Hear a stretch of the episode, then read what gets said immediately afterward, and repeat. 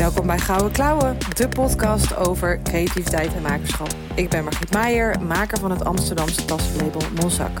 Ik help medemakers om in beweging te komen en te empoweren om ook geld te verdienen met hun creativiteit. In deze podcast spreek ik makers met gouden klauwen. Ze geven een kijkje in de keuken en vertellen over alle hordes op hun pad. Zoals geld verdienen, plut zijn, gebrek aan inspiratie, gedoe met klanten en kwetterende kwelgeesten. Welkom bij een nieuwe aflevering van Gouden Klauwen. In deze aflevering is Marlies van Heusden van Nature Bar Soap te gast. Ze noemt zichzelf een imperfecte zero waster. Tijdens haar reis in Zuid-Amerika werd ze geconfronteerd met de impact van overconsumptie. Stranden lagen vol met plastic afval. Daar tegenover zag ze mensen in de Amazone die helemaal off-grid leefden samen met de natuur. Ze werd herinnerd aan haar jeugd, waarin alles wat buiten was uh, en groeide haar fascineerde. Op die plek besloot, besloot ze mee te werken aan de oplossing in plaats van aan het milieuprobleem. Met haar merk maakt ze 100% natuurlijke verzorging bars. Ik vind dat toch echt een beter woord dan, ja, wat is een Nederlands woord? Nou, ik kom er zo op terug. en verkoopt die vanuit haar winkel in het centrum van Amsterdam. Wat leuk dat je er bent. Leuk om hier te zijn. ja. Bars, is heb, jij daar ook, heb jij daar ook naar gezocht, naar een Nederlands woord? Ja, je hebt wel een zeepblok. Ja. Maar dat klinkt, ja... Minder, minder sexy, hè? Ja, minder fijn. En ik vond gewoon dat Nature Bar... Ik weet niet, tijdens wandelen kwam dat ineens in mijn hoofd op. En toen dacht ik, ja, dit is het. Ja. Het is gewoon een natuurlijke zeepbar. Ja. Dus Nature Bar, ja. Klopte gewoon. Ja, dat was ja. En, en was het dan ook dat je daardoor je... Want ik zag dat, jij, dat jouw website ook Engels is. Ja. Is dat, is dat, hoe is dat ontstaan? Ik vind dat wel interessant als... Uh, um, veel van onze collega's die, die, die, die of mensen doen het in Nederlands of op Instagram, ook in het Engels. Wat was voor jou de keuze? Ja, wel een goede vraag. Um, ik heb het idee dat het nu misschien ook weer een beetje tegen me werkt. Ik heb denk ik gewoon in mijn vriendengroep best wel heel veel internationale vrienden. Mm Waarmee ik dus ook al heel veel Engels praat. Mm um, het zit in Amsterdam, waar ook gewoon heel veel toeristen internationals komen. Ja. Um, dus de voertaal is best wel vaak Engels. En voor mij was dus meer het ding van Engels kan eigenlijk iedereen. Um, dus ik wil niemand, dat, dat, niemand buiten de boot valt. En met Engels kan je dus gewoon ja. uh, je verhaal vertellen. En dan snapt iedereen het. Behalve de Duitsers. Behalve de Duitsers en de Fransen. die zijn dus ook niet zo heel goed in Engels, kom ik net achter. Um, ja, maar daarom heb ik dus eigenlijk voor Engels gekozen, omdat ik dat is makkelijker. Maar ik heb wel ook een Nederlandse versie van de website. Dus alles is ook gewoon makkelijk in het Nederlands te leren of te lezen. Um, daarom die keuze. Ja, en Instagram heb ik wel voor Engels gekozen. Omdat het ook gewoon makkelijker is. Eerst deed ik het tweetalig, dus dan Nederlands en Engels. Maar ja, dat is gewoon dubbel zoveel werk. Ja, en ik kwam er op een gegeven moment ook achter dat je ook gewoon een vertaalfunctie hebt. Op dat ook, ja. Dus mensen die het echt niet snappen, die kunnen het gewoon vertalen. Ja, je klikt er nu op. Ja, het is nog niet helemaal perfect. Nee. Ik klik er voor de grap wel eens op. Ja. Nee, nee, nee nou, toch net niet. Maar... Je begrijpt het wel. Ja. ja. Maar wanneer werkt het tegen je dan? Nou, ik heb dus nu um, alweer een tijdje geleden ben ik uh, heel tof in een tv-programma Binnenste Buiten geweest. Mm -hmm. En het was wel echt heel leuk om te doen. Maar daarbij is ook wel de, de dat noemden ze zelf, een soort van de kijkersdoelgroep is um, 65 plus. Oh ja. En ik merk dus wel bij mensen die dus wat ouder zijn, dat ik daar best wel vaak dan, ook als ik op een marktje sta, dat ik dan de feedback krijg, want de verpakking is ook in het Engels. Dus daar, ik dat, daarom heb ik ook wel echt voor Engels gekozen, omdat ik dacht, de verpakking wil ik in het Engels doen. Ja. Want dan kan iedereen het gewoon lezen. En dat moet ook eigenlijk wel, vind ik. Dat je de ingrediënten gewoon snapt. Mm -hmm. maar daarbij krijg ik soms wel de feedback van... ja, waarom is nou alles in het Engels? Kan het niet gewoon in het Nederlands staan? Want dat begrijp ik beter. Ja. Ja, dus dat Google Translate. Ja, ik denk dat het altijd een um, ja, balansact is. Ik denk dat je, je zal het nooit goed doen voor iedereen. Nee, zeker niet. Nee, en, en, wie, en wat, wat is je... Wat is je uh, wat is het publiek wat jij, hè, wat de grootste groep is die jij het leukste vindt om te bedienen? En als die Engels, goed Engels spreekt, dan is dat prima, toch? Ja. ja, en voor mij werkt dit gewoon ook het fijnste. Dus dan ja. is de keuze redelijk makkelijk gemaakt. Zeker, dat is ook een hele goede. Wat jij zelf fijn vindt. Dat, is, dat moet eigenlijk de belangrijkste zijn, hè? Ja. Hey, en, en hoe, eh, want, want um, uh, het is, je hebt geen kunstacademie gedaan. En de meeste makers die hier zitten, die hebben echt een oh, vakopleiding gedaan.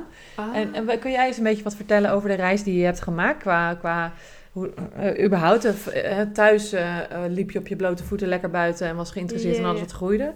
En hoe ging die reis dan uiteindelijk naar waar je nu bent? Nou, grappig. Ik ben dus wel bij best wel veel kunstacademies gaan kijken. Ah. Maar ik vond het dus net weer iets ver van me afstaan. Ehm, uiteindelijk heb ik wel een jaar, nee, drie kwart jaar, maar ik ben er wel mee gestopt, um, modeacademie gedaan. Mhm. Dat vond ik heel tof, omdat het dus toch dat hele creatief is. Mhm. Ehm, en de, ja, uiteindelijk was het gewoon toch niet zo'n hele goede match. Het was best wel heel pittig. Zeg maar, je werd daar, en dat, aan de ene kant begrijp ik dat ook wel, maar aan de andere kant denk ik ook wel van, je had het ook wat geleidelijker kunnen opbouwen. Waar, waar deed je? Uh, Amfi. Oké, oh ja. Oeh, ja, ja, ja, dus die staat ook wel redelijk bekend. Er zijn nu ook wat dingetjes in het nieuws geweest onlangs Mhm. over. Um, maar het was toen ook het eerste jaar dat ze het helemaal anders gingen doen. Dus ik liep er toch gewoon heel erg tegenaan dat allemaal docenten toen zeiden van ja, ik weet het eigenlijk ook niet. Moet je bij die zijn. Dus je werd de hele tijd een beetje van het kastje naar de muur gestuurd. En ze deden het ook wel expres dat je dan van die deadlines had die je gewoon niet kon halen. Dus ik weet nog dat ik toen om half vier s'nachts nog met mijn pritstift allemaal op dingen aan Mm. het plakken was. Dat ik echt dacht, wat ben ik aan het doen? Dus toen dacht ik, ja, ik vind het ook gewoon niet meer leuk. Dus daar heb ik mee gestopt. Maar ik had toen wel al gekozen voor um, fashion en branding. Dus het is toch een beetje die marketingkant, communicatiekant. en uh, dus toen ben ik gaan kijken van ja, wat wil ik dan wel doen? En toen kwam ik eigenlijk een uh, opleiding in het gebouw daarnaast toevallig tegen. Dat ik dacht, oh, dat is super handig. Mm -hmm. um, met marketing, informatie en communicatie. Zijn inmiddels volgens mij ook weer een paar keer van naam veranderd. Dus... HVA is dat dan? Ja, oh, ja. ja. ja, en dat vond ik dus heel leuk, omdat je daar toch hele creatieve opdrachten had. Maar wel heel erg bezig bent met het verhaal vertellen van een merk of van een product. Dus dat best wel veel gemeenschappelijke eigenschappen. Alleen had ik daar wel het idee dat ik heel erg de, ja, de theorie of de kennis kreeg. In plaats van meteen alles doen. Ja. Dus dat ja. miste ik een beetje. Ja, dus eigenlijk misschien meer een soort van basis, dus een fundament leggen met... Zo zet je dus een, een merk in de markt. Ja. Uh, en als je het dan over volgorde hebt en uiteindelijk heb je zelf een merk in de markt gezet. Ja, ja. Was, dat, was dat ook de bedoeling? Had je, ging je ook met die intentie dat doen? Nee, nou misschien heel onbewust wel. Uh, mijn vader is bijvoorbeeld ondernemer, dus ik heb altijd wel het idee gehad van het lijkt me zo gaaf om mijn eigen bedrijf te hebben. Wat leek je daar gaaf aan dan? Weet ik dus niet zo goed. Maar wel ook, het was dan altijd toen ik klein was, toen um, ging ik uh, met klei stoeien en dan ging ik meteen kopjes maken. En dan dacht ik, oh, dan maak ik een bedrijf wat kopjes verkoopt. Oh, ja. En dan ging ik helemaal bedrijfskaartjes en zo, maar toen was ik al echt elf, ja. zeg maar, bedenken. En uiteindelijk kwam ik erachter dat het veel te veel werk was en dat je dan helemaal ovens nodig had. En dan haakte ik weer af, maar dan had ik weer iets anders bedacht, zo, oh, dan ga ik dit maken. Dus ik vond het wel altijd heel tof om dan iets te maken, creëren en daar dan iets uh, ja, misschien ook wel aan de man te brengen meteen. Ja, ja. Ging het dan, uh, dus dat je echt in concept, in concept denkt van dit is het product, maar daaromheen zitten deze puzzelstukjes allemaal nog. Ik denk dat dus wel, ja. Ja. Dat ik dat toen ook al had. En uiteindelijk verlies je dat misschien weer een beetje met middelbare school en zo. Dan had ik dat helemaal niet meer. Mhm. Maar het was eigenlijk dus achteraf gezien was het heel logisch dat ik deze studie ging doen. En dat ik dan nu dus een eigen bedrijf heb. Ja. En, en, maar je, je hebt die studie afgemaakt en, had je, en wat ging je toen, in welk jaar heb je dat afgemaakt? Ehm, uit mijn hoofd 2012. Eh, en ik weet nog wel dat het toen echt onmogelijk was om een baan te zoeken. Eh, en toen heb ik wel heel erg geluk gehad, omdat het bedrijf waar ik bij werkte. ehm, zat er eigenlijk niemand op die positie van marketing en communicatie. Dus daar ben ik toen een beetje zo ingerold. Ja. Ik mezelf een beetje heb ik eigenlijk heel brutaal heb ik zo'n heel plan geschreven. Ja, als ik dit zou doen, dan zou ik dus dit doen. Wat cool. En dat heb ik eigenlijk gewoon ehm, bij de directeur op zijn bureau gelegd. Zo van, tada. En die was er heel enthousiast over. Dus we hebben een heel gesprek gehad, ook met degene die er allemaal werkte. En toen mocht ik daar een paar uur per week aan gaan besteden en steeds meer.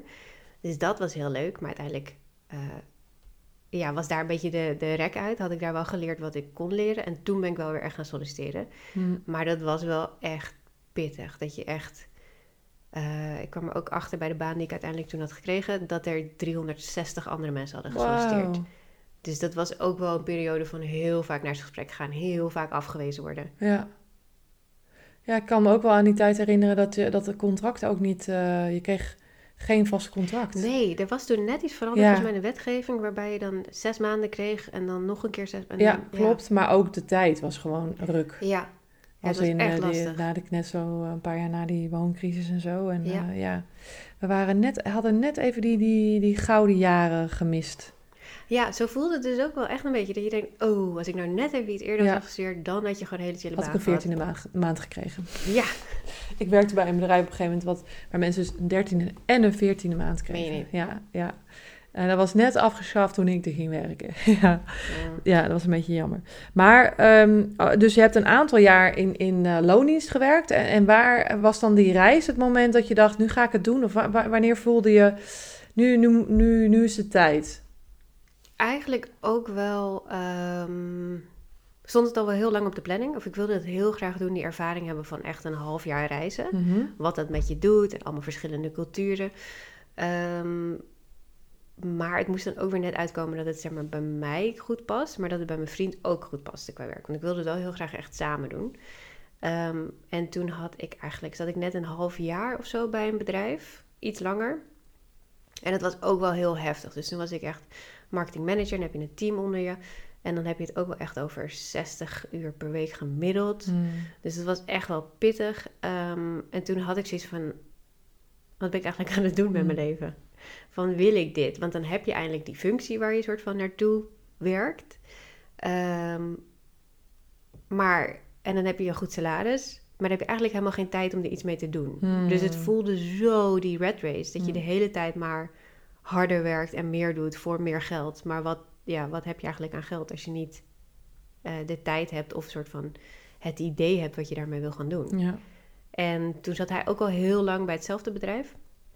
Dat hij ook zoiets had van, het is wel tijd om iets nieuws te doen. En toen zaten we eigenlijk gewoon volgens mij eh, op zijn werk. Hij werkte dan in een cocktailbar, dus toen was ik daar aan de bar aan het hangen. En toen dacht ik van, ja, of we doen het gewoon nu. En toen hebben we eigenlijk gewoon allebei heel snel ons eh, ontslag ingediend. En dan nog wel het gewoon netjes afgehandeld dat ze tijd hadden om iemand anders te vinden. Maar eh, ja, beste beslissing ooit. Wauw, wat cool zeg. Ja, dus echt gewoon met een bottenbijl. Ja, eh, dat, ja, het is, ja, een beetje dat idee van het is nu of nooit. Ja. En natuurlijk kan het altijd later wel, maar wel- ja, waarom niet nu? Ja, precies. Wat goed. En, en toen ben je dus een half jaar op reis gegaan. En daarna, hoe kwam je terug? Met welke ideeën? Ja, wel echt mega veel ideeën. Ook wel, dus omdat je een half jaar de tijd hebt, ben ik ook wel heel erg daar wilde soort van stilstaan bij eh, wat wil ik nou gaan doen? Wil ik nog wel zo'n soort vergelijkende functie gaan doen? Of wil ik iets totaal anders gaan doen? Wat aan de ene kant heel fijn is, maar ook omdat je aan het reizen bent, heb je zoveel soort van nieuwe indrukken. En dan ook nog eens dat alles soort van voor je open ligt. Dus dat Mm. was ook wel weer heel intens. Maar op een of andere manier viel voor mij gewoon daar echt alles samen. Dat ik ook dacht van, oh ja, toen ik jong was, was ik de hele tijd buiten aan het spelen. En was ik zo soort van, had ik nog zo'n connectie met de natuur. En ehm, dan zie je daar mensen die dat ook nog heel erg hebben. En toen dacht ik ineens van, wauw, het is eigenlijk zo wonderlijk dat ik daar dus zo langzaam, zonder dat ik het door had, zo ver vanaf ben gaan staan. Hmm. Terwijl dat juist het is, hetgene is waar ik me heel fijn bij voel. Dus dat ik dan, da- ja, viel voor mij heel veel dingen op mijn plek. Dat ik ook dacht van, dat is dat, dat simpele. Misschien ook wel iets trager leven. Werkt gewoon voor mij heel goed. Dus dat, dat idee van je moet steeds meer gaan werken, steeds meer geld gaan verdienen, is eigenlijk heel gek. Ja, ja, ja. Is het, maar is dat ook niet... Waar hoor jij dat of waar zie je dat? Want ik denk ook dat het te maken heeft met ondernemer zijn en kansen zien en plannen maken en altijd vette nieuwe dingen bedenken en what's next? Ja, dat Eh, rups je nooit genoeg. ja, altijd dat- meer, meer, meer, meer, meer. Ja, maar dat is niet per se meer in.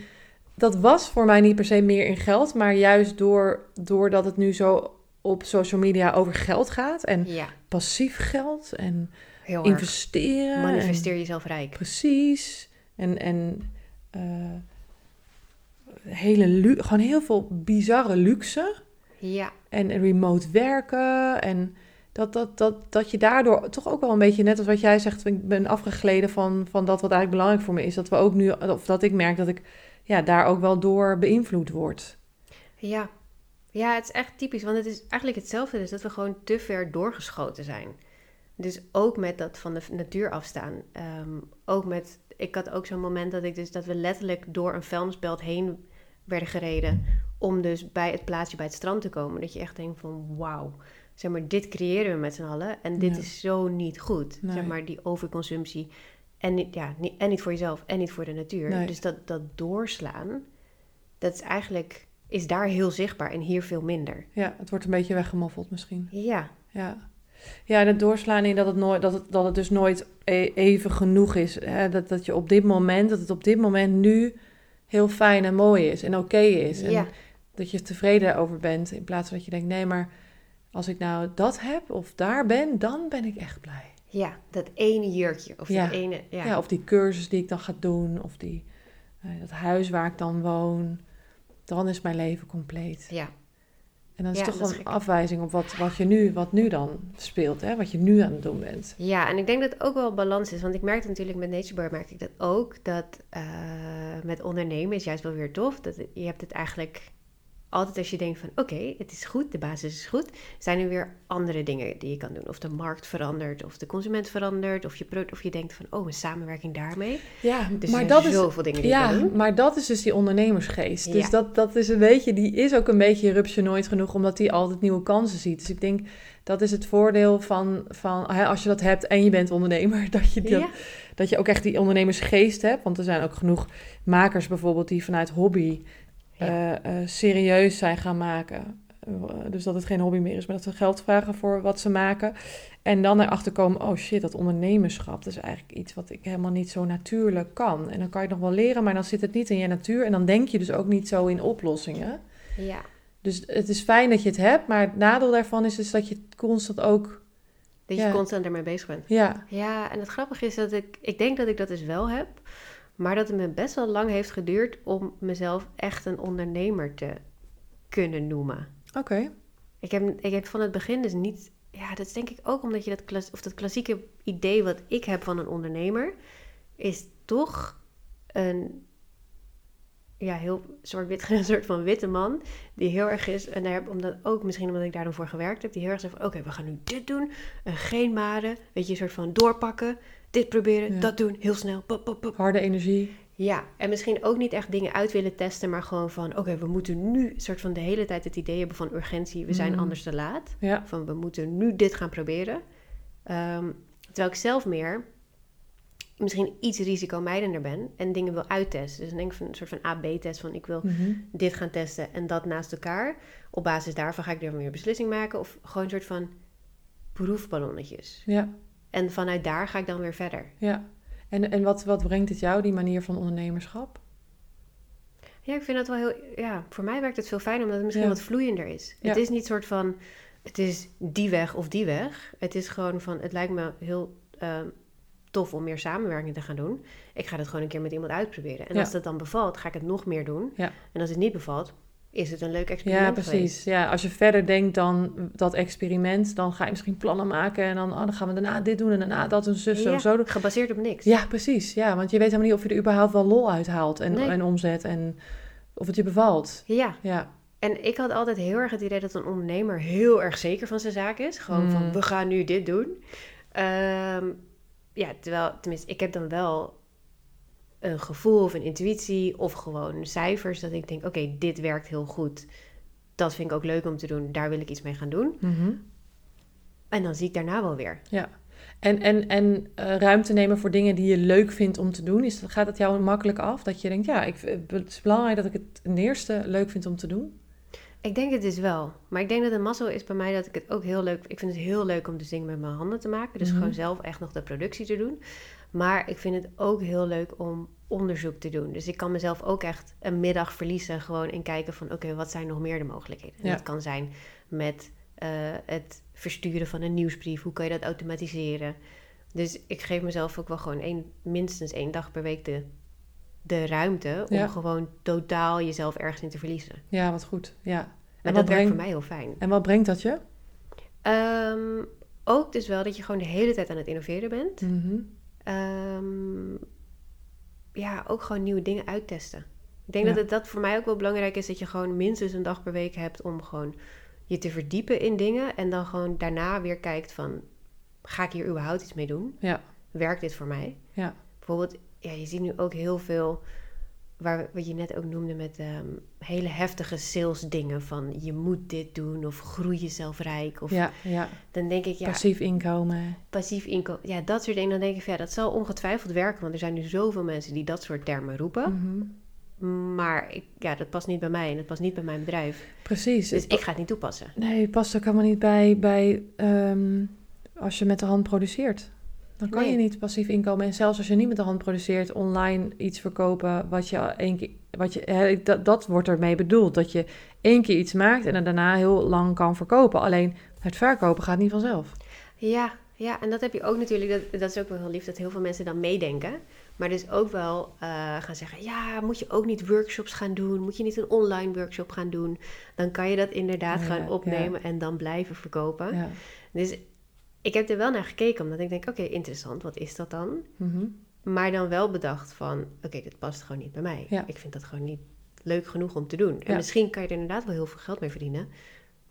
Maar dan doe ik het liever niet. Nee, precies. Nee, want als, als, als hè, iets kan op papier er geweldig uitzien, maar als jij er geen energie bij voelt of van krijgt, dan ga je het nooit volhouden. Nee, en dat denk ik ook wel. En dat denk ik ook wel, dat je gewoon dat echt als consument voel je dat. Ja. Of iets oprecht is of niet. 100%. Ja. Dus daar prik je op een gegeven moment wel doorheen. Ja. Dat je denkt, ja, Ja, deze Dat- meid heeft, ik volg nu een cursus eh, zelf zeep maken thuis, maar ja, gelooft zij er zelf in dat ik dat kan of dat het leuk is? Of eh, ja, je kan nooit met je volle energie dat dan ook overbrengen. nee. Ja, of misschien lukt het heel even, maar dan is het puur op wilskracht. Ja. En op een gegeven moment, ja, dat put je dan gewoon uit. Dat hou je niet vol. Ja, want dan, hè, dan heb je even praktisch gezien, dan heb je die cursus opgenomen en staat die online. Maar je moet hem wel, want het is niet passief, dus je moet hem wel elke keer aanprijzen. En als Ja. jij daar eigenlijk helemaal niet blij van wordt, dan kun je hem dus ook niet aanprijzen. Nee, en ik zie dat ook denk ik wel met heel veel andere zeepmerken op dit moment. Want zeep en shampoo bars zijn gewoon op dit moment best wel heel populair. Wat gewoon echt heel goed is. Dat hoe meer mensen daarop afstappen, hoe minder plastic flessen er Ja. zijn. Maar je ziet ook wel bij sommige bedrijven, en die sturen dan af en toe wel ook berichtjes via Instagram. Maar vind ik wel grappig, maar best wel brutaal. Zo van, hé, hey, ik wil nu ook mijn eigen bedrijf beginnen. Oh, ja. Heb je tips? Hoe pak ik dat aan? En deel je leveranciers. Maar sommige zijn Oh. echt heel bot. Zo Oh. van, deel die informatie. Dat je denkt, wauw. Deel die informatie. Ja, dat ik denk, hallo? Wauw. Oké. Ehm, ik vind het wel altijd heel goed om mensen te helpen. Dus ik geef wel vaak gewoon tips van... oké, dit heeft mij heel veel geholpen. Mhm. En dan ga er iets mee doen of niet. zeg maar. Ja. Eh, want ik vind op zich een soort van bossiness... vind ik altijd wel weer goed Ja, om te ja, belonen. Ja. Maar je merkt ook wel dat daar heel veel bedrijven van beginnen... omdat ze dan denken... oké, dat is iets waar ik nu heel veel geld mee kan gaan verdienen.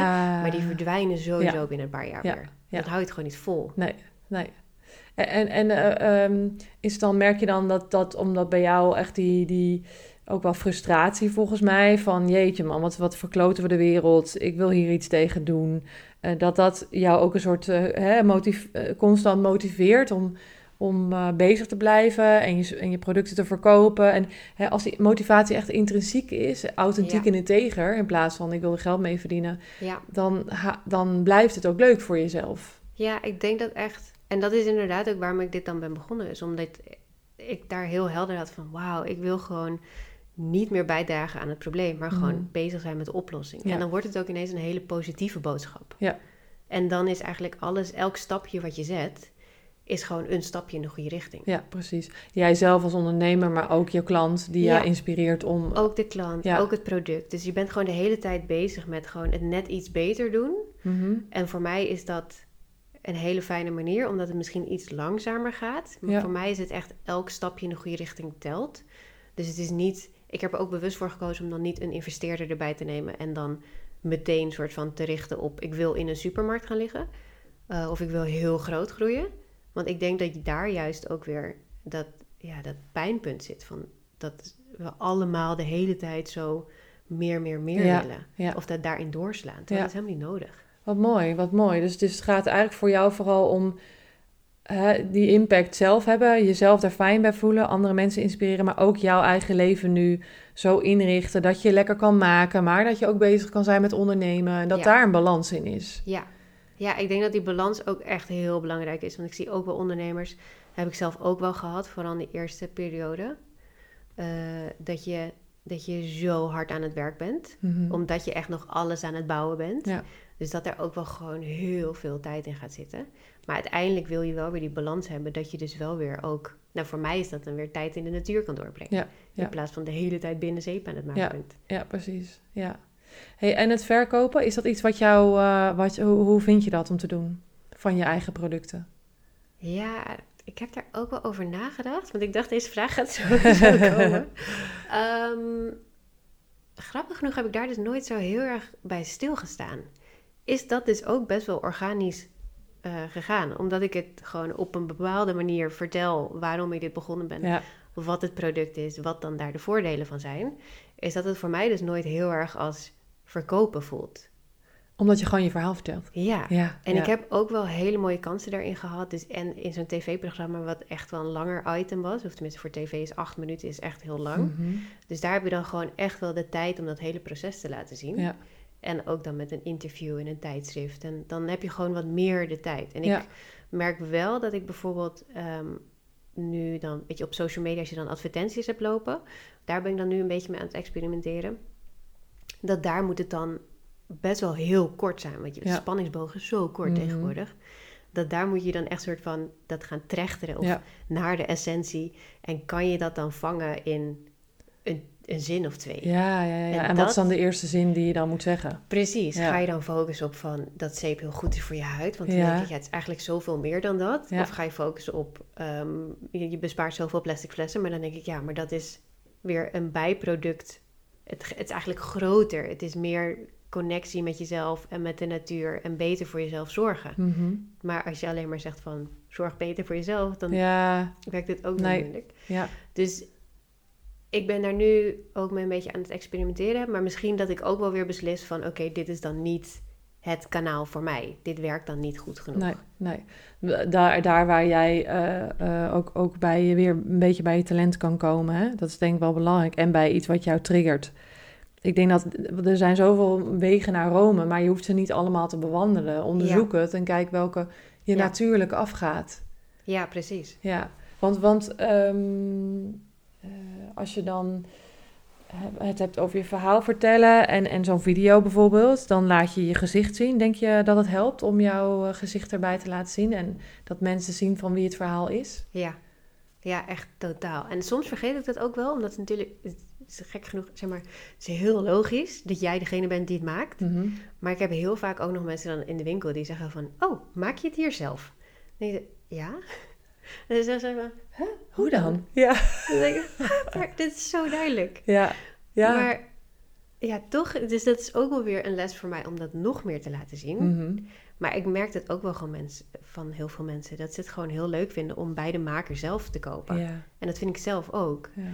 Ehm, en ik zou dat ook heel tof vinden om meer te normaliseren. Ik ben dus nu net een paar dagen in Parijs geweest en daar is het echt anders. Daar heb je zoveel van die bakkers met zo'n glazen wand waar je echt nog ziet dat ze daar ter plekke dat allemaal aan het maken zijn. Mm. Of kaaswinkels waar mensen zo trots zijn op de producten Ja. die ze verkopen. Ja. Dus daar gaan mensen veel meer nog echt naar zo'n speciaal winkel. Ja. Eh, ja, dat is gewoon heel mooi. Dus ik zou dat ook heel mooi vinden als we dat in Nederland ook weer meer naar terug gaan. ja, want jij zit in het centrum waar ook heel veel ketens Ja. zitten. Ja, Eh, dan, dan, dan, dan, dan val je natuurlijk wel op. Het is ook gewoon een soort van, bijna een soort... Ja, ik weet dus niet of dat bij jou zo is, maar hier in de buurt heb je dan wat meer, wat, wat kleinere winkelstraat, de Kinkerstraat of Jan Pieter Heijenstraat. En dan heb je dan wat meer boutiques en zo. En een vriendin van mij, die ging altijd naar, hetzelfde, naar dezelfde kledingwinkel toen ze hier in Amsterdam woonde. En kende ook de eigenaresse. En oh leuk. dus dat, je, dat het meer een soort van echt een sociaal iets is ook. Dat je helemaal met een product wat jij maakt, wat je vaker gebruikt. en Als het Ja. op is, wil je weer een nieuwe, dan Ja. kom je weer en dan heb je een praatje met jou. En dan gewoon, ik denk dat we, we, zijn, we slaan natuurlijk heel erg door in die technologie. En alles kan in principe online. Maar Ja. ik denk dat op een gegeven moment gaat er wel weer honger komen naar... Oh, maar hoe fijn is het om een mens in, de ogen te kijken en, en een verhaal te horen en die passie te zien bij een ander. Ja, ja, dat is zeker waar. En ik denk dat het ook gewoon. Ik hoop dat je dat dus binnenkort ook wel meer gaat zien. Is, want je hebt natuurlijk best wel veel grote bedrijven die nu ook heel erg met duurzaamheid zijn, Mhm. bezig zijn. Maar dan heb je het soms echt wel een beetje over het greenwashing. Dus dan Ja. worden allemaal termen gebruikt.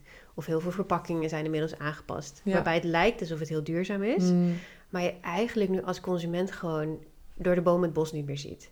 En ik denk juist als je dus zo'n winkel binnenstapt, ook een kledingwinkel, eh, waarbij je kan gewoon echt kan vragen van waar is het dan Ja. gemaakt, welk materiaal is het, dat het makkelijker is om informatie te krijgen. Ja, ja gewoon zeker. dat het weer wat transparanter wordt. Ja, en ook connectie te voelen of zo. Want, want heb, weer, heb weer connectie voelen met... eh, in, dit, in dit geval, eh, jij, ik, ik las jouw site en er stond er iets van... van een, een, zeep die ook eh, bijna als een body lotion werkt. Weet je, die, Ja. En toen dacht ik, oh ja, ja, ja ik gebruik... Ik gebruik ook zo'n cheap ass body lotion. Ik gebruik heel veel goede, echt, echt goede spullen. Maar ik heb dus inderdaad ook nog zo'n cheap ass body lotion. En dan denk ik, ja, wat, wat, wat stom eigenlijk dat ik dat doe. En dan, het zijn, het zijn, soms moet iemand je gewoon weer even op het juiste moment pinchen. Van ja, dat, het is weer een plastic fles. En, en, ja. en als je in zo'n winkel staat, dan kan jij helemaal vertellen hoe dat werkt. En, en waarom het eigenlijk niet helemaal goed is voor de Ja, natuur. En En de voor- en nadelen zijn en welk ingrediënt je per se moet letten. precies, en het is ook wel echt de kracht van her- van herhaling, denk Dat ik. is echt zo. Als ja. het gaat over die duurzaamheid, dan moet je. Nee, dan eh, wordt er wordt even aangeklopt door de DHL, die ik even negeer.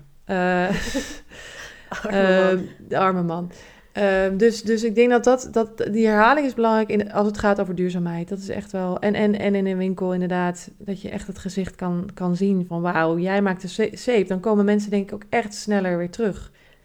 Ja, dat is ook echt zo. En dat is ook wel echt heel leuk om te zien. Er was pas ook weer een vrouw en die eh, sloeg toen echt mega veel zeepjes in. Omdat ze dan echt zo'n roadtrip door eh, Europa ging doen. Mm. En dan aan allemaal mensen die zeepjes ook cadeau ging geven. En Ja. dacht ik, dat is zo Ja, lief. ja, ja, leuk. En dat soort verhalen hoor je weer. En dat is voor jou ook weer fuel om weer door te blijven gaan. Ja, toch? want dat is inderdaad, als je het gewoon ja, online doet, dan krijg je dat minder mee. Ja. Ook al heb je natuurlijk wel reviews, dus elke keer...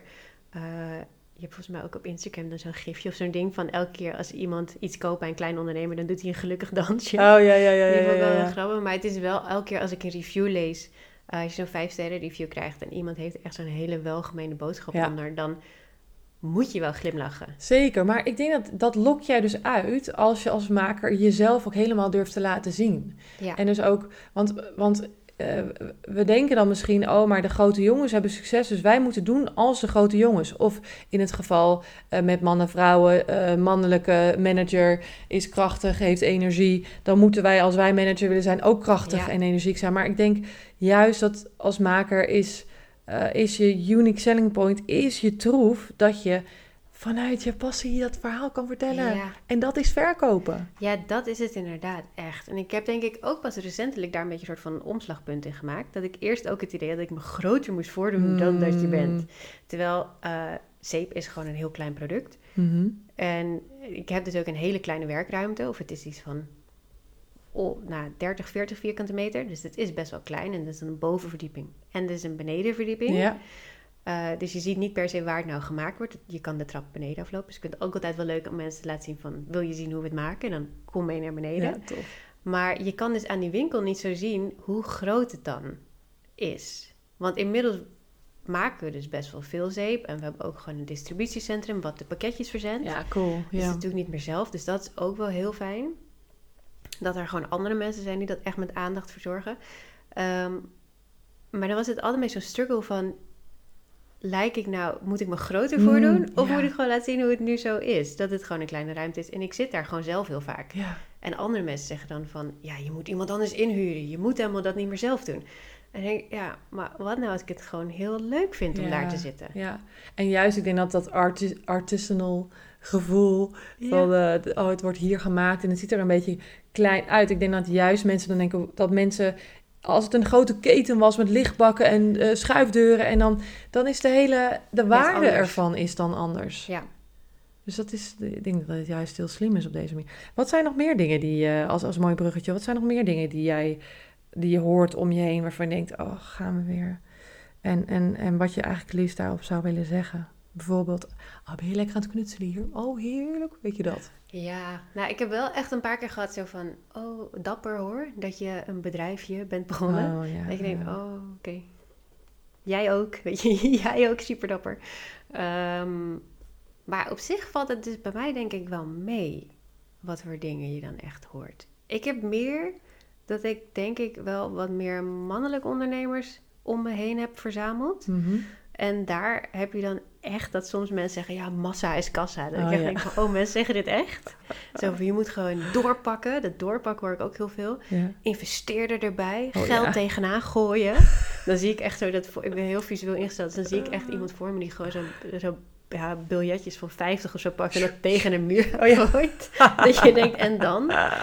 Eh, ja, dat soort dingen meer een beetje. Dat ik oké, maar we kunnen ook gewoon even rustig nadenken voordat we iets doen. ja, ja.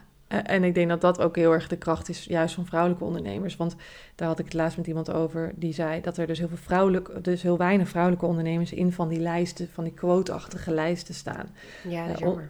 Ja, maar ook, maar ook weer begrijpelijk hadden we, eh, concludeerden wij dat ehm, vrou- voor vrouwen gaat het gewoon veel minder over geld.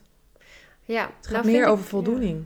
Ja, dat is zeker waar hoor. Maar ik heb wel echt ehm, ook heel erg mazzel gehad dat in het begin ben ik echt gaan zitten met een, ehm, een, ja, een hele goede kennis. Mhm. Niet heel erg direct in mijn vriendengroep. Inmiddels wel. Mhm. Ehm, maar met hem heb ik heel erg gezeten, gewoon ehm, naar de marges.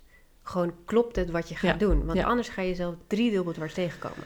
Ja. Dus ik denk dat het wel heel goed is om daar naar te kijken en zorgen dat je wel gewoon een financieel gezond bedrijf bouwt. Absoluut. Maar Maar je massa is kassa van- is ja, weer massa is kassa tegenovergestelde. Er pochen of zo. Dat, ja, 100% moet het, eh, moet, het, eh, moet het zuiver zijn, moet het eh, kloppen. En, en Ja. moet je niet de, meer vanuit de pleasende rol. Oh, ik help je wel. Oh nee, daar hoef je heel veel te kortingen betalen. geven, daar ben ik ook nooit fan van. Want Om- het product wat je maakt heeft gewoon een bepaalde waarde. Ja, omdat jij een bepaalde waarde hebt. ja. Maar dat, is, dat mist dan misschien nog een beetje soms. Niet bij jou, Ja. maar laten we het even in het algemeen. Ja. Ja, dat denk ik ook hoor. Ik bedoel, die, die, die zelfwaarde, die eigenwaarde, die is nodig om vol enthousiasme jouw verhaal te mogen vertellen. Eh, en daar eh, aan dat wat je maakt, aan je creaties, ook een prijskaartje te kunnen hangen. Daarvoor is Ja. eigenwaarde nodig. Ja. ja, dat is zeker waar. En ik had ook niet zo heel lang geleden in de winkel had ik eerst iemand die kwam binnen en die zei van... Oh, nee, ik heb net bij de Nieuwmarkt een heel leuk stelletje shampoo bars gekocht, maar die waren 25 euro. Wat ben jij goedkoop? En echt tien minuten later had ik iemand binnen en die zei van... Oh, nou, ik koop normaal gesproken bars van eh 3,50. Dit is wel heel duur. Oh, wauw. En toen dacht ik Ja. ook, ja, weet je wat het ook is? Je kan het ook nooit goed doen. Nee, nee. Zeg maar, je bent altijd te goedkoop voor iemand en altijd te duur Ja. voor iemand. Dus ja, je moet gewoon voor jezelf dat het wel inderdaad gewoon klopt. Ehm, maar ja, soms moet je, het ook niet- gewoon Ja, ja, doen wat voor jou werkt. Absoluut. En wat goed voelt voor jou. Want ik denk dat wij als vrouwen ook wel veel dichter bij, de, de meeste vrouwen, eh, ja, dichter bij ons gevoel staan. Of daar makkelijker toegang tot hebben. En dat gevoel, dat klopt altijd. Alleen we wijzen het de hele tijd af. Waardoor je toch allerlei paadjes aan het bewandelen bent. Die misschien een ander, waar een ander je opgestuurd heeft. Maar wat niet jouw Ja. pad is. Ja. Ja, want zeker ook met de ingrediënten en eh, waar ik dus nu voor heb gekozen is bijna volledig biologisch. En daar hangt gewoon echt een prijskaartje aan. Mhm. Dus ik zou er ook gewoon echt wel veel meer voor kunnen vragen. Maar ik wil dat gewoon niet, omdat ik het gewoon echt toegankelijk wil houden Ja. voor mensen. Ja. En mensen dan ook sneller terugkomen. Ja, Ik denk, ik geloof dat echt. Maar en, eh, ehm, dat is ook weer mooi, want dan zit daar ook weer heel erg die missie achter. Van, maar ik wil gewoon dat, het impact, dat ik impact kan maken. ja, Dus dat is, dat is eh, mooi. Ja, tof. Ja, het, het, ik vind het, ik vind prijs be, be- ehm, ehm, hoe zeg je dat? Een- ja, prijsbepaling. Ja, nou meer van, eh, het is gewoon, een, het- eh, hoe je kijkt naar een prijs is een mening. Ja, En, en, ja en dat is echt zo. meningen zijn altijd anders. Iedereen heeft een andere mening. Dus, dus ja, dat de een het duur vindt en de ander het goedkoop vindt, prima. Is jouw mening. Maar, en het stomme is ook dat je dan, net als met stomme reviews, dat je dan daar heel erg op focust, terwijl je vergeet hoeveel mensen er wel tevreden zijn. En in dit geval, hoe groot Ja, het gebied is tussen, tussen oh, te duur en te goedkoop. Daar zitten zoveel mensen tussen die jouw, spullen, eh, die jouw producten kopen en, Ja. en, en niet zeuren. Dat is zeker waar. Ja, en dan is het maar een beetje goedkoop voor sommige mensen. En dan is het maar net iets te duur voor sommige Ja, mensen. ja. Maar er zijn heel veel mensen waarbij het inderdaad wel gewoon echt goed werkt. Ja. Ja, en ik denk ook wel dat het, die, die, eh, eh, wat dan in me opkomt is overtuigen. Het woord overtuigen. Je hoeft, eh, als je dus, dus stevig in je schoenen staat en, en gelooft in je eigen verhaal, dan hoef je ook niemand te overtuigen. Ja, want dat was grappig inderdaad. En daarom had ik inderdaad een beetje zo'n realisatiepunt. Dat toen degene zei van, oeh, dat is wel heel duur. Dat ik toen ook dacht van, ja, maar ik hoef hem... Ik kan natuurlijk wel gewoon benoemen dat zo'n zo'n zeepbar of shampoobar wel echt twee à drie keer zo lang meegaat dan een, een Mhm. plastic flacon. Dus vaak als je het uitrekent is het zelfs nog goedkoper. Ja. Dus dat vind ik wel altijd goed om te benoemen. Maar daarnaast denk ik dan, ja, weet je, als dat niet in iemand zijn portemonnee past, dan moet je dat ook vooral niet doen. Nee, nee, nee. En die ga je ook nooit kunnen overtuigen. Nee, Nee. nee, dan is het gewoon geen goede match. En dus je hoeft ook niet iedereen als klant te hebben. Nee, nee, zeker niet. Nee, want als je dat idee hebt, als je die illusie hebt dat je iedereen blij moet maken, wie spreek je dan aan? Dan spreek je dus niemand eigenlijk aan. Precies. Omdat die boodschap zo Ja. brrr, vaag is. Ja, en ook al heb ik dus een markt- en communicatieachtergrond, heb ik in het begin dus wel dat gehad dat ik dacht van, oeh, ik wil niemand buitensluiten. Dus ik wil dan wel in het assortiment, qua geuren bijvoorbeeld ook, en qua ingrediënten, dat je wel een soort van iedereen een beetje Ja. kan aan. Oh, ik ook hoor. Ja. Ja, dus dat ga je dan toch, dat je denkt, oh, maar je wilt dan, voor andere bedrijven vond ik dat heel logisch, dat je denkt, nee, dat moet je schrappen. Die moet je, wel- je moet daarop focussen. ja. Voor je eigen bedrijf is dat echt wel lastiger. Maar dat komt denk ik omdat jij, jouw persoonlijkheid komt mee. En jouw persoonlijkheid, als we jouw persoonlijkheid even uit je bedrijf halen, wil gewoon door iedereen leuk gevonden worden. Ja, eigenlijk. En- en heel natuurlijk. Ja, dat is heel natuurlijk. En je, dat is gewoon, dat zit in ons allemaal. En sommige mensen verbloemen het heel goed Ja. eh, met een grote mond, of juist door zich te verstoppen. Maar, eh, en dat vind, ik, dat vind ik nou zo'n interessant stuk aan dat ondernemerschap. Als je zelf je eigen spullen maakt, ja. als je eigen werk verkoopt, dat deel doet ook mee. En dat deel zorgt ook voor heel veel ruis. Dus als je daar. eh, Ja, zeker. Als je zorgt dat dat je wat minder in de weg zit en je gewoon zelfverzekerd kan zijn, omdat jij helemaal gelooft in je verhaal en daar mensen op afkomen die dat vet vinden en die dus, ja, ik wil daar iets meer voor betalen, ik wil ook iets doen voor de, voor de wereld of eh, ik vind natuurlijke ingrediënten ook belangrijk voor mijn lijf, dan mensen Ja. haken vanzelf aan die je nodig Ja. hebt. Dat is zeker waar hoor. En uiteindelijk, als er dan iemand de winkel instapt en die zegt van heel dapper zo van, oh door jou is nu mijn badkamer plastic vrij. Nou, dan, dan reageer ik dan op een soort van heel cool. Zo, oh, wat fijn dat we. En dan denk ik daarna zo, yay! Die cheerleader aan, aan de Ja. die sticker aan de binnenkant. En dat vind ik ook wel mooi. Je badkamer plastic vrij. Holy shit, daar heb ik nog nooit over nagedacht. Ja, Dat is, nou dat moet is ik een dus mooi wel streven. inderdaad zeggen, eh, is gewoon verdomde lastig. Ja. Als je echt, want als ik zelf ook kritisch kijk naar mijn badkamer, alles stelt natuurlijk mee. Dus ook gewoon... Prullenbakje. Nee, prullenbakje. maar ook gewoon dopjes van bepaalde verpakkingen is dan ook vaak plastic. Dus ik ben dan nu ehm, bijna klaar met het ontwikkelen van eh, een, een gezichtsserum en een body butter. Oh, Dus daar eh, heel lang over gedaan om dat te ontwikkelen. Omdat ik dan echt iets wil dat voor, wel weer dus voor heel veel huidtypes geschikt is. Mhm. Dat je niet iets hebt voor droge huid en vette huid. Ja. maar Iets wat gewoon echt werkt voor beide. Ehm, maar ook dan met die verpakking is dat zo lastig om iets te vinden. Want heel, ja, stickers zijn per definitie Oh ja, van ja. plastic. En ik wil dan wel, het moet tegen water kunnen, want het Mm. moet gewoon een vochtige omgeving zijn. Maar ik wil dan niet een, een sticker van plastic. Dus dan kan ik ook weer weken kwijt zijn met offertes opvragen en samples opvragen bij verschillende leveranciers. Om dus iets te vinden wat dan dus wel plasticvrij is. Maar ja, heel veel bedrijven doen het natuurlijk niet. En het is niet zo moeilijk om dat te zien. Dus je, je badkamer daadwerkelijk helemaal plasticvrij krijgen, ja. is echt heel knap. Ja, dat is een mooi, mooi doel toch ook, hè? Of dat je er in ieder geval wel beter op let. Van, oh ja, Ja. ik, heb bijvoorbeeld ook, een- ook een, een shampoo van zo'n merk wat ik dan koop bij de Ecoplaza. En die flessen zijn dan wel van, weet ik veel, suikerriet of zo. Ja. Kijk, uiteindelijk weet ik niet, weten we niet of dat nou echt nou zo goed is. Weet je, al die alternatieven, de, Ja, we zitten echt in zo'n transitiefase. ja dat is heel, ja. En al die alternatieven die daarin worden, worden gevonden, net als bamboe in het begin, weet je toch? Ja. Bamboe, wat dan ook geloof ik niet zo goed was of zo. Ja, inmiddels, kijk, ik denk bamboe zelf is volgens mij wel heel goed, Mhm. want het groeit heel snel en er Ja. is heel veel van. Maar het komt eigenlijk per definitie uit eh, Aziatische landen en voornamelijk in China wordt het heel veel geteeld. Eh, en dan weer van China iets naar Nederland krijgen. CO2-uitstoot. Ja, en zeker omdat heel vaak het met een vliegtuig gebruikt, is dat gewoon heel vervuilend. Ik heb wel bamboezeebakjes in het assortiment zitten, maar ik Mhm. heb dan dus ook heel lang gezocht naar een goede leverancier. En hij vindt het heel gek, want volgens mij ben ik echt de enige, maar ik laat het dus per trein vanuit China. En die gaat dan dus helemaal zo door Rusland heen naar Polen. En vanaf daar wordt het dan... Super eh, internationaal Ja. uh, zeebakje. Zeebakje heeft heel de wereld gezien. maar met de trein is het dus veel beter Wauw, voor het milieu. goed, Maar ja. doet er ja, maanden over. Ja, je moet gewoon eens op tijd bestellen. Ja, maar dus het kan wel. Ja, Maar het zit vaak in de details. Ja. Net als palmolie eh, is een hele mooie grondstof. Alleen wordt het op deze manier, wordt het, of heel vaak wordt het nu niet duurzaam geteeld. Dus er worden hele stukken eh, bos worden weggekapt om dat te telen. Mm. Omdat het heel snel groeit. Mm. Maar dus met, met de nood, met de olie zelf is niks mis. Maar de manier waarop het nu wordt gebeurd, gedaan, omdat de vraag zo hoog is En wij er heel weinig voor willen betalen. Dus Ja. ze hebben gewoon heel veel nodig om dat te produceren. Ja. Ja, en dan is er dus nu een beetje een smet gekomen op palmolie. Terwijl Ja. er ook misschien wel plantages zijn waar dat heel netjes gedaan wordt. Ja. Ja, er is een, is- ik heb er wel bewust voor gekozen om er niet eh, mee te werken. Omdat het dus heel moeilijk te achterhalen is of het daadwerkelijk bij een duurzame eh, plantage vandaan Ja, komt. Ja. Maar inmiddels zijn er wel dus zoveel plantages dat het ook weer gek is om dat dan weer daar helemaal niks meer mee te doen. ja, en omdat het zo de, de spotlight er natuurlijk nu op staat, moet er wel iets mee gebeuren, hoop je. Ja, Ja. ja, dan kan je weer afvragen, en- maar daar moet je dan weer helemaal in gaan verdiepen, van of het niet duurzamer is om die plantages die er misschien op dit moment zijn, om die wel te gebruiken, dan die weer neer te halen en weer, ja, Ja.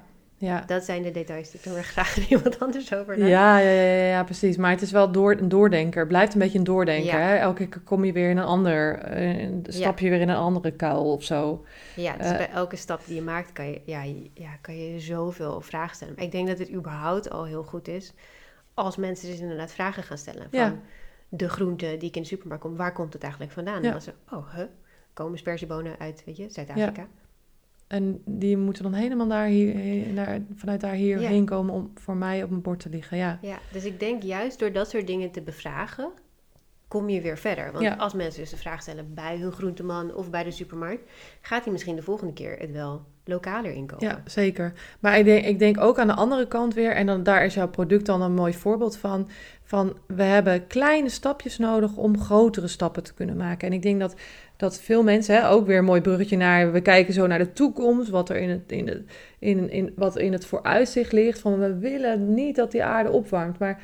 Maar het is zo'n groot probleem dat mensen ook toch ook hun ogen kunnen sluiten, omdat het Ja, te groot is om- te bevatten. En ik denk dan, als je denkt aan je badkamerplastic vrij krijgen of in plaats van zeep eh, in een fles, zeep in een bar kopen, dat soort mini-stapjes hebben al Ja. zoveel impact. Ja, en dat vergeten denk ik heel veel mensen. En dat is ook wel, ik heb dat zelf ook. Als je nu dan ook naar het weer kijkt, wat voor gekke toestanden. Weirde, we hebben. ja. Ja, en het gaat gewoon niet goed met de natuur. Zeg maar, Mhm. ja, er zijn heel veel mensen die er voor, tegen zijn. Maar ik denk, ik hoop dat we het over één ding wel eens kunnen zijn. Is dat het gewoon niet goed gaat op dit moment Ja. met de natuur. En dat we daar echt wel weer naar terug moeten. En echt iets mee moeten doen. Ja. Maar dat kan natuurlijk een mega groot probleem zijn, wat dan boven je hoofd hangt. En Ja. je denkt, ja, alles wat ik doe is verkeerd. Mhm. Maar ik denk inderdaad, juist door die kleine stapjes te zetten, komen we daar weer naar terug. En ik denk ook dat mensen vergeten wat voor impact je wel niet kan hebben als consument. Ja. Juist, zeg maar, elke keuze die je maakt, kan best wel heel krachtig zijn. Ja, en ook, ook in je omgeving. Als ik een zo-bar heb die ik fijn vind. Ik had er één bij de Dylan Camille gekocht. En daar, daar, dat durf ik dan bijna niet tegen jou te zeggen. Oh. Dus- Nee, Maar ik denk dat is wel- alles, ja, Ja, en dat voor- is goed. Ja, en dat is voor mij, dat is dan de eerste stap naar een bar. En dan denk ik, oh, deze bar is wel oké, maar ik voel me daar niet helemaal oké bij. En dan is de stap naar jou, een bedrijf, bedrijf zoals jou, toch makkelijker. Nou, anyhow, daar vertel ik over tegen mensen omheen. En nu heeft ongeveer, eh, we hebben drie vriendinnen ook eh, een, een bar. Dus dat, die Ja. impact, vergeet dat ook niet. Je eigen kleine bubbeltje, daar heb je ook impact in. En die bubbel, die mensen in die bubbel hebben ook weer hun eigen bubbels. En zo wordt dat groter. Ja, en dat vind ik ook heel mooi. Nou, dat is echt gewoon dat rimpeleffect. Ja. En dat heb je vaak helemaal niet zo door. Maar dat is zo leuk dat je dat inderdaad deelt. Want Mm.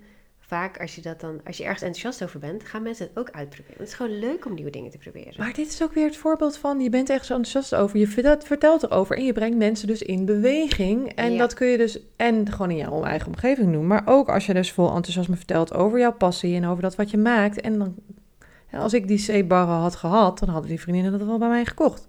Ik heb ze niet. Ik zal het de volgende keer naar jou sturen. Maar dat is gewoon verkopen, dat vind ik zo leuk. Het is helemaal niet zo ingewikkeld. Dat is inderdaad eigenlijk, ja, maar zo is het ook vroeger begonnen. Ja, precies. heel lang geleden had je ook gewoon een bakker die vertelde over zijn brood. En dan gingen mensen proberen, dan was het lekker. En dan was het gewoon mond-tot-mond reclame. Ja, dan ja. werd je niet doodgegooid met al die advertenties of indrukkingen, of indrukken die Ja. je dan nu hebt. Ja. Dat is inderdaad gewoon de essentie van marketing eigenlijk. 100%, zeker. hey, we moeten gaan afronden. Eh, heb jij nog een dikke tip voor onze medemakers? Misschien een tip die wat meer over marketing gaat of over nou, duurzaamheid kan natuurlijk ook iets, iets wat je Hmm. de ander mee wil geven of iets wat jou, een advies die jou is gegeven. Waarvan je denkt, ach, dat, eh, daar heb ik echt wat aan gehad. Ja, ja misschien dan wel twee. Mhm. Ehm, ik denk die duurzaamheid vind ik wel heel leuk. Ehm, ik helpt echt enorm. Ik denk dat elk bedrijf namelijk best wel een stapje kan nemen in duurzaamheid. En dat zit vaak in de hele simpele dingen van, uh, dat is ook wel gewoon papier en afvalscheiding. Dat is ook wel gewoon kijken, waar koop je iets in? Wat is een duurzaam alternatief voor wat ik op dit moment doe? Mhm. En dat zijn heel vaak dingen die bedrijven een beetje vergeten. Maar daar kan je ook een, echt een enorme impact mee maken. Ehm, dus dat zou ik zeker aanraden. Kijk gewoon echt letterlijk even met een frisse blik om je heen van wat zou ik nog kunnen aanpassen? Wat um, ja, net weer even een stapje in de goede richting is. Mhm. En wat mij zelf ook wel heel erg heeft geholpen. Ik, ik kwam dus terug van Latijns-Amerika en toen wist ik heel erg van ik wil zeep gaan maken. Toen ben ik eerst heel erg gaan experimenteren, totdat ik echt dacht van oké, dit is wat ik wil gaan doen. Maar ik ben het dus al best wel vroeg gaan delen met mensen. Hm. En ehm, ik weet dat sommige mensen dat een beetje afraden. Mij heeft dat dus wel heel veel gebracht. Omdat er ineens heel veel mensen in mijn netwerk en in mijn vriendenkring opstonden en zeiden van... hé, hey, maar weet je niet dat ik een achtergrond heb met grafisch vormgeven? Oh, ja. Laten we even gaan zitten en dan kijken we gewoon naar kleurcombinaties. Uiteindelijk heb ik toen dus met een vriend van mij... waarvan ik helemaal niet meer zo goed wist dat hij ooit grafisch vormgeven heeft ja. gedaan... Ja. de hele verpakking ontworpen. Weer iemand anders heeft heel erg eh, geholpen met productfotografie. En ehm, gewoon, er waren ineens heel verbazingwekkend veel mensen die echt wilden meedenken van ik wil jou helpen. Tof. En ja. dat kan je alleen maar hebben Ja. als je dat dus van tevoren een beetje deelt. Hmm. En dat heb ik nu ook, dat ik het ook gewoon heel tof vind om andere mensen daarin te helpen. Dus als je dat deelt, kom je echt een stuk verder. Ja, wat goed. Ja, en je dus ook niet schamen voor het feit dat je, dat je ook nog maar aan het proberen bent en dat je het ook Ja. allemaal niet weet. En, en hulpvragen voelt soms voor sommige mensen ook een beetje, ja, maar ik ben, eh, is gewoon trots, over je trots heen stappen. Ja. Ja, en het is inderdaad, ja, hulpvragen is sowieso ook goed. Maar vooral als je gewoon deelt, ik ben op dit moment hiermee bezig. en Ja, precies, dat het deelt, vanzelf komt. Ja. Dan, het verbaasde mij echt hoeveel mensen ine- ineens zeiden van... hé, hey, maar kan ik je helpen hiermee? ja, ja, ja, ja, ja, ja, Ja. Dat Ik het denk- naar je toe kwam. Ja, en Ja. ik denk dat dat het ook is. En het is ook wel heel scherp wat je zegt van... het, is, het zal nooit af zijn. Nee, Dus het is eigenlijk nooit een perfect moment om te beginnen. Je kan, ja, doe het gewoon nu. ja, precies. Doe het gewoon nu. Dat is een mooie. Dat is een hele mooie. Heel erg bedankt voor je verhaal. Ja, jij bedankt er niet te zijn. Ja. Leuk. Eh, als je deze podcast leuk vindt, geef hem vooral sterren. Dan kunnen we onze medemakers weer inspireren met een mooi makersverhaal. En tot de volgende.